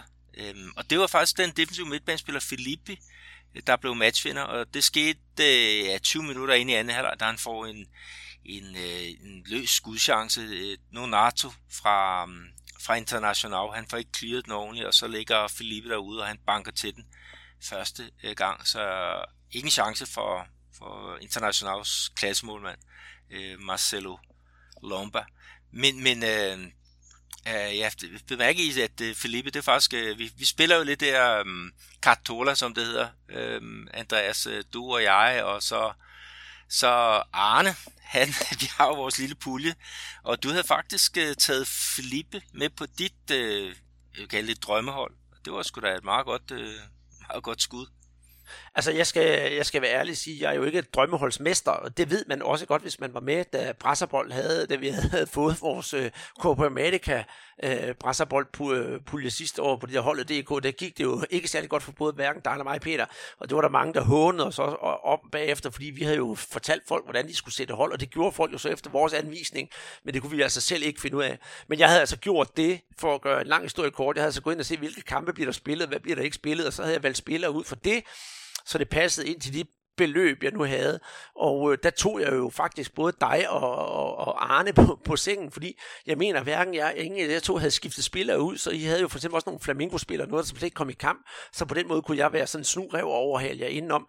Og til jer derude, hvis I skulle have lyst til at være med til det her, øh, Cardola, så gå ind, øh, vi skal nok på vores Facebook-side skrive, hvor man går ind henne, og, og også på Twitter, og så prøv at gå i gang. Jeg ved godt, det står på portugisisk, men det kan altså godt lade sig gøre at sætte et hold, og det koster ingen penge, og så er det så smart, at selvom man kommer ind midt i turneringen, så kan man altså godt være med, uden at man er, man er helt vildt bagud fra starten, fordi man har øh, 100 dollars, tror jeg det er, man skal sætte et hold for, og så sætter man hold efter, hvordan spillerne er, og det er altså, de kan altså både gå op og ned, og, og, og de bliver jo ikke sindssygt meget dyrere, men det drejer sig bare om at sætte det rigtige hold. Og selvom man har et hold, der taber, så kan man altså godt få pluspoint på nogle af spillerne, fordi der bliver altså også regnet ud, hvor mange taklinger der bliver hvor mange tilbageleveringer. Der går virkelig meget statistik ind over det, men det er hyldende skæg, og så ret så morsomt. Så vi skal nok prøve at hjælpe jer derude, hvis der er nogen, der vil være med. For det kunne være sjovt, hvis vi var mere end tre mennesker i den her, i den her pulje. Og så skal jeg lige pointere også, at øh, Arne har altså lykkedes for Arne at sætte et hold, ude. han, øh, han taler ret meget portugisisk. Så det er altså bare på med vanden, og så gå i gang. Men øh, ja, jeg har været heldig. Det andet kan jeg ikke sige, Peter, fordi det var ikke sådan en, en, en, en stor overvejelse, at jeg lige skulle have Felipe med på banen. Men, øh, men, men sådan er det. Det er du glad for, det her træner Rosario Seni også, og det er alle fansene fra Atletico Mineiro i den grad også, fordi de udnyttede nemlig det der resultat til Europa førstepladsen, men det var altså først efter en vanvittig kamp ude mod, nu du tror folk, jeg har drukket eller noget, men Atletico Guaniense, altså Atletico mod Atletico, dem har vi en del af, de opgør ja. øh, hernede. Øh, men men øh, træner George Sampaoli, han er jo en af, af, af Bielsas disciple, ikke? og det var lidt halvsjovt, fordi Leeds, de havde selvsamme lørdag vundet 4-3 over øh, Fulham, ikke? og det kunststykke, det gentager Sam Paolis mandskab så i udkampen mod Atletico Goianiense. Jeg lige sige ikke, at øh, hjemmeholdet de åbner ballet, kommer foran 1-0, og de kommer selvfølgelig, ja, de kommer også foran 2-1 ved øh, henholdsvis Lucas Oliveira og, og Ferraris. Øh, men Atletico øh, slår igen. Keno, øh, Nathan, og så to gange Keno igen. Øh, så blev det altså 4-2, og så får Gilvan, han får altså ud, øh, reduceret i, i overtiden. Men Atletico, et, øh, det er det bedste angreb i, øh, i Serie A, 18 mål i, i 10 kampe, øh, men, men øh, forsvaret ser nu altså noget fakkelvognt ud, ikke? og det, det tyder 4-3 vel også på. Øh, en sjov duel, der også var i kampen, øh, det var sidste gang, der snakkede vi jo om, at øh, Atletico Guanienses keeper, Jean, han øh, scorede på frispark, og vi, vi håbede ligesom, at der var en ny øh, Rogerio Seni øh, i, i, øh, på vej. Øh, Seni, han scorede jo 131 mål i hans, øh, i hans lange karriere som, som keeper, ikke? Og, og faktisk så Atletico Mineiros nye målmand Everson, han kan også noget med fødderne. Men altså ingen keeperkasse den her gang. Atletico Mineiro fik et straffe, men det var altså Keno, der, der eksekverede. Så ja, det, det er jo mig sgu lidt. Øh, jeg kan nu godt lide, når der er lidt, lidt show på for, for keeperne, at de, de lister op ved, ved frispark eller ved, ved straffespark. Men det blev altså ikke lige den her gang det vi lige har snakket om her, det er måske også de to de vigtigste, de vigtigste resultater, der har været her i den her udgave af, af ligaen. I hvert fald dem, der har været mest værd at bide mærke i. Men vi har altså også haft nogle øvrige hold, der har været i gang, og det er jo blandt andet mm, Paumeters, øh, som man måske kunne forvente rigtig meget af. Det har vi jo også gjort som, som værende måske en af titelkandidaterne. Men øh, det lignede det i hvert fald ikke i den her omgang. Nej, de spiller igen remi. Øh, de var ellers foran ud mod øh, Grêmio, og mm, det var så mål af Rafael Vega. Men øh, Ferrari han øh, udligner, og det er faktisk øh, den spiller, der udligner, det er en 22-årig angriber, som har ligget i krig med, med Kremi omkring en forlængelse af kontrakten, og, og derfor så har han været puttet i, i fryseren øh, siden februar, men, men han er nu tilbage igen ikke, og for, for scoret, og det, det er jo rigtig øh, vigtigt for, for ham. Jeg vil sige, at Corinthians øh, de fik endelig en sejr, øh, 3-2 øh, hjemme over Bahia, øh, Otero, øh, med det fantastiske spark, øh, Ronny og Gilles størrede for, for målene, mens øh, Nino Paraíba og Saldana skud for, for Bahia. Og vi siger lige også, øh, nu har du været en tur i, i Midtjylland, men altså Brumados og Paulines gamle klub, det er jo netop Bahia, ikke? og at de, ja, de har det ikke godt for tiden. De er uden sejr i de sidste otte kampe. Så kan vi tage med, at Red Bull Bragantino, de vinder 4-2 over Ceará, og de kom dermed væk fra sidstepladsen. Botafogo og Santos, de spillede øh, 0-0. Øh, vi snakker om Santos, de har sådan en Marinho dependencia. Øhm, de er meget, meget afhængige af den her meget, meget hurtige, øh, og giftige kantspiller. Men det lykkedes ikke for ham at få den ind over stregen her i går. Der er nogle billeder, hvor han bare sidder alene flere, flere minutter efter at kampen er færdig. Han sidder bare sidder og, og, og hænger med hovedet. Der er faktisk folk, der mener, at han burde have været udtaget til, til det landshold, øh, som vi skal snakke om senere, men, men øh, det blev ikke i, i den her ombæring. Øh, Curitiba, oprykkerne, de vinder altså 1-0 over Vasco da Gama. Et straffesparksmål af Robson går for tid. Øh, et åndssvagt straffespark. Nu har jeg jo Vascaino, ikke? og det var en, øh, deres højre bak Pikachu, han, han sætter hænderne i ryggen på, på, på en Curitiba-angriber, ikke? Og, den er så tydelig, og den er så dum. Så, så det, det kom til at koste. Sport Recife vinder 1-0 over Fluminense. Øh, Anani Brocador øh, scorer på, på straffe. Øh, og så er der jo en gammel, gammel, gammel kamp. Altså São Paulo vinder, eller vandt 1-0 ud over, eller hjemme over øh, Atletico Paranaense, men det er altså øh, en tid, en kamp, som blev øh, hvad hedder det, fremskudt Øh, så den har næsten en måned på banen. Og så har vi jo Atletico øh, har slået Flamingo mod Goiás, som er udskudt til, til næste øh, måned. Det var, det var derfor, at Flamingo kunne blive i, i Ecuador og, og spille deres øh, to kampe. Øh, vi skal også lige tage med, Andreas, Serie A, ikke, at man snakker om at åbne øh, muligheden for at få, få tilskuerne tilbage på, på lægterne. Og øh, det er Rio de Janeiro, som slår øh, hårdest på trummen for, for det.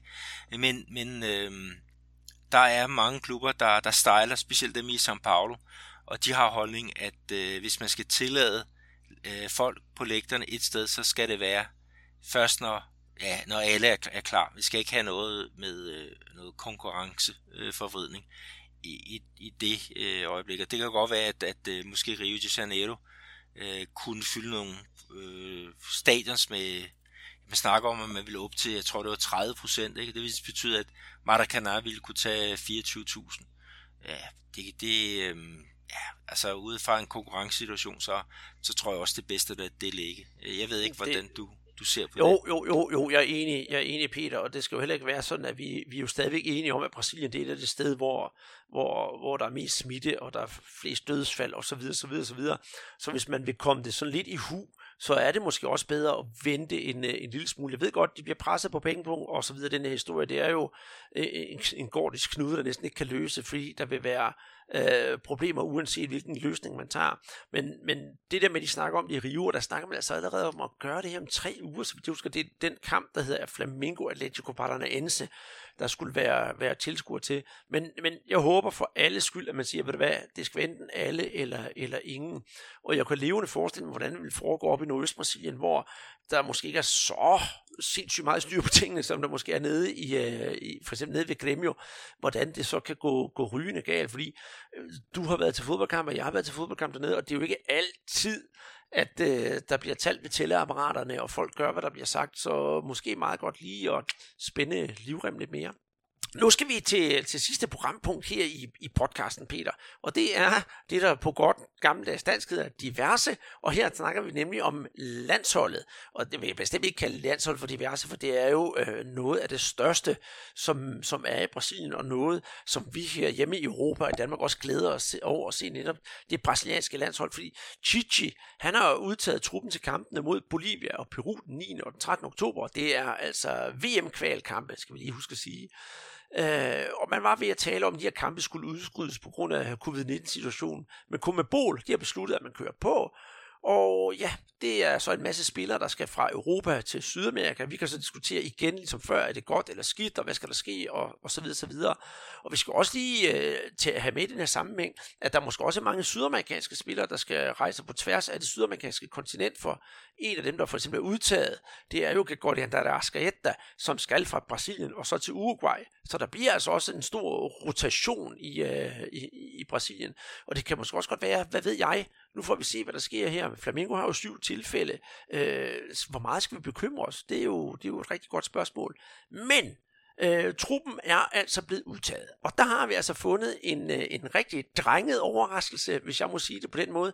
For det er jo ingen ringere end øh, den 20-årige midtmandsspiller fra Palmeiras, Gabriel Menino. Peter, lad os høre lidt om ham.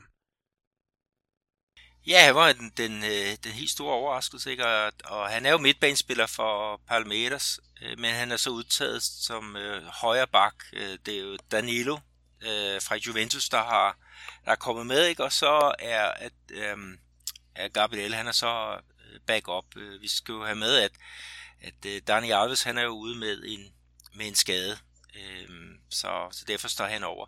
Men, men øh, hvorfor nu det? Øh, ja, altså Chichi forklarede det med, at de gerne vil have en spiller, som ligesom Daniel Alves øh, gør, nemlig går ind i banen for at, at støtte øh, midtbanen. Og de valgte øh, Minino, fordi han, han spiller øh, midtbanen, men han har spillet bak i sin, sin ungdomstid i Palmeiras. Så på den måde, så, så mente man, at man, man øh, havde en, der, der mindede rigtig meget om, om Daniel Alves, så det er selvfølgelig nogle store, store sko, man skal, skal fylde ud. Øh, men øh, lad, lad os se, hvordan det går med Gabriel Menino. Øh, jeg tror nu ikke, han får så, så meget øh, spilletid, men han har taget øh, mange med storm. Øh, Palmeiras, øh, de har jo også øh, angriberen Gabriel Veron. Øh, de har, øh, ja, som blev kåret til VM's bedste spiller, U17 øh, VM her i var det november sidste år fantastisk talent. Og så har de en defensiv midtbanespiller, Patrick øh, Di Paula, som, som også øh, allerede er stamspiller på, på, på holdet, selvom han bare er de her øh, 20 år. Men øh, jeg vil lige sige, når man udtager sådan en, en øh, fyr som Gabriel Menino, ikke, så er det sgu også en bejmand til, til mange andre backs. Øh, der er Fagner, der spiller i Corinthians, der var med ved VM. Han må nok øh, lurer lidt på, hvad pokker Titi har tænkt på, og Emerson i Betis, øh, som mener, at Barcelona købte øh, sammen med Betis. De har en eller andet, øh, jeg ved ikke om det er halv, halv, halvpart, eller hvad, hvordan den er, er gradet, men, men det er sgu en, en kæmpe overraskelse. Men hvis vi snakker om, om startopstilling til, til den her første kamp øh, hjemme mod Bolivia øh, på Corinthians hjemmebane, så tror jeg, altså vi får en startopstilling med Alisson, Øh, Øh, og så fire nede bagved, det bliver nok Danilo, Marquinhos, Thiago Silva, Renan Lodge, øh, den sidste fra Atletico Madrid. Øh, og så en midtbane med to sideordnet, Casemiro er sikker, og så bliver den anden Fabinho eller Bruno Gimarais, den ene fra Liverpool, den anden fra Lyon. Og så tror jeg faktisk, at øh, Felipe Coutinho bliver puttet op på den, den offensiv. Og så ligger der tre mænd fremme. Det tror jeg bliver Gabriel Jesus, øh, Roberto Firmino og så, så Neymar. Øhm, og det er en rigtig øh, stærk øh, startopstilling. Øh, ellers så kan vi sige også, at Rodrigo fra Real Madrid, han er udtaget. Øh, teenageren øh, Vinicius Junior er ikke udtaget, selvom han har spillet flere kampe for, for Real Madrid. Og der er nogen, der har spurgt om, hvorfor nu det? og der tror jeg forklaringen er, at Rodrigo han er bedre til at dække øh, højre siden. Altså de har rigtig mange, der kan spille i venstre. Altså de har Neymar, de har øh, Everton Cebolinha, øh, som, som blev kåret som bedste spiller øh, under Copa Sudamericana, hvis jeg husker rigtigt. Om ikke andet, så blev han i hvert fald øh, øh, topscorer. Og øh, man, man skal ikke bruge flere end, end øh, til at dække øh, den der venstre side.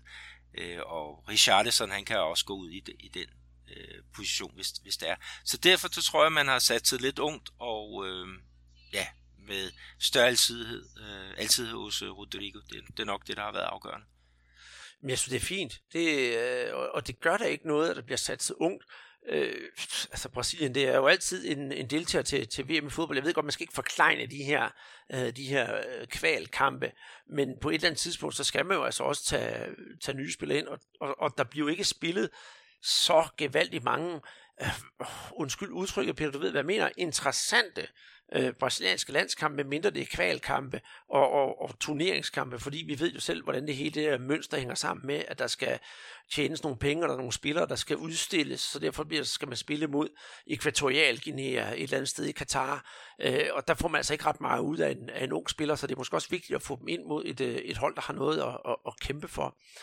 Men det så er sagt, så skal vi altså også øh, snakke om en anden en, der har noget at kæmpe for, og det er jo en, en syngende svensk landsholdstræner, Pia Sundhage, som øh, åbenbart er gået ind og blevet sådan en, øh, en ny Agneta Fældsksko, kan man sige det?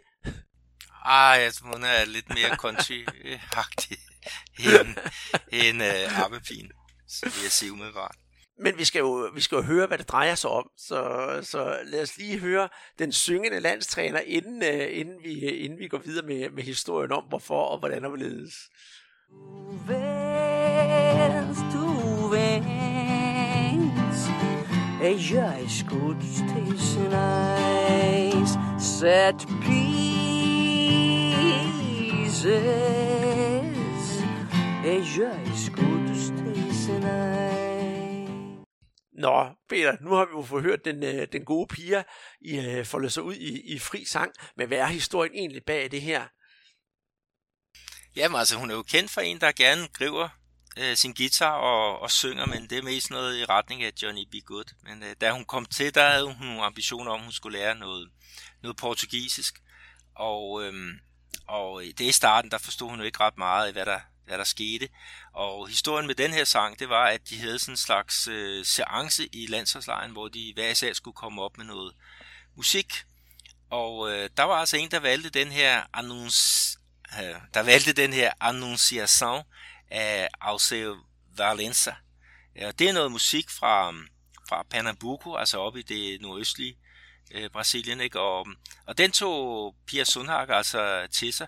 Hun forstod jo ikke, hvad der blev sunget, men, men der var sådan en, en part i, i, i, i musikken, ikke? Som, som passede på ordene set pieces, øh, som jo er, er standardsituationer.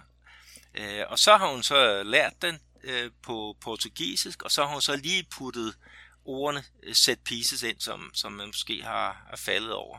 Og øh, det, det, altså alle hernede er meget, meget begejstrede for den måde, hun har, hun har er kommet ind øh, på det brasilianske landshold med noget energi og noget humor og noget, noget menneskelighed. Og så også, hun har taget en brasiliansk sang til sig. Altså det er, det får folk til at, at klappe i hænderne.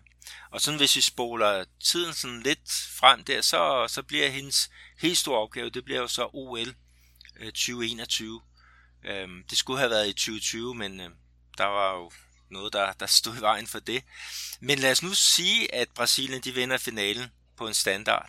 Jamen, så kan man sige, så, så har musikken i hvert fald spillet en, en, øh, en rolle i, i, i den her, i hvert fald hvis man, hun spiller den rigtig tit for, for sine øh, spillere. Men øh, skal vi ikke slutte af med at høre øh, originalen, fordi den er der selvfølgelig også på, hvad skal vi kalde det, på rigtig brasiliansk, og ikke på svensker portugisisk. Det, øh, det synes jeg, vi skal, og det er som sagt øh, sang Annunciação øh, af Alessio Valencia, og glæder jer til at høre det. Men inden vi når så langt, så skal jeg altså lige sige til jer derude, at øh, husk at gå ind og høre vores gamle bagkatalog inde på vores SoundCloud-profil, og hør også noget af det, vi har lavet herinde på Mediano. Vi har jo øh, noget, vi selv er rigtig, rigtig stolte over. Vores VM 1994 gennemgang, både optakt om Brasiliens vej til VM 94, og så selve VM-turneringen 94. Det er nostalgi på første klasse med ekstra flødeskum, dobbelt ost og ekstra foie og hvad man ellers kan få. Det synes jeg i hvert fald. Og jeg har fået respons på nogen, der har hørt det, at de bliver så glade af at blive bragt tilbage til tiden, hvor de siger, jeg stod på en bar nede i Spanien og fulgte med det her turnering. Det er bare som at komme tilbage, og det glæder mig utrolig meget. Gå ind og hør det, plus meget andet. Skriv en mail til os på brasserbold.dk, hvis I har nogle spørgsmål, det vil altså alle slags spørgsmål, vi kan vi vil i hvert fald prøve at svare på næsten alt. Og så følg os ind på Facebook, Twitter, Instagram, der er vi altså også til stede en gang imellem. Ja, vi er faktisk over det hele, Peter. Der, er ikke meget galt. Men øh, indtil vi ses næste gang, så synes jeg, at vi skal høre originalnummeret, som øh, Pia Sundhavn hun sang. Og tak for den her gang.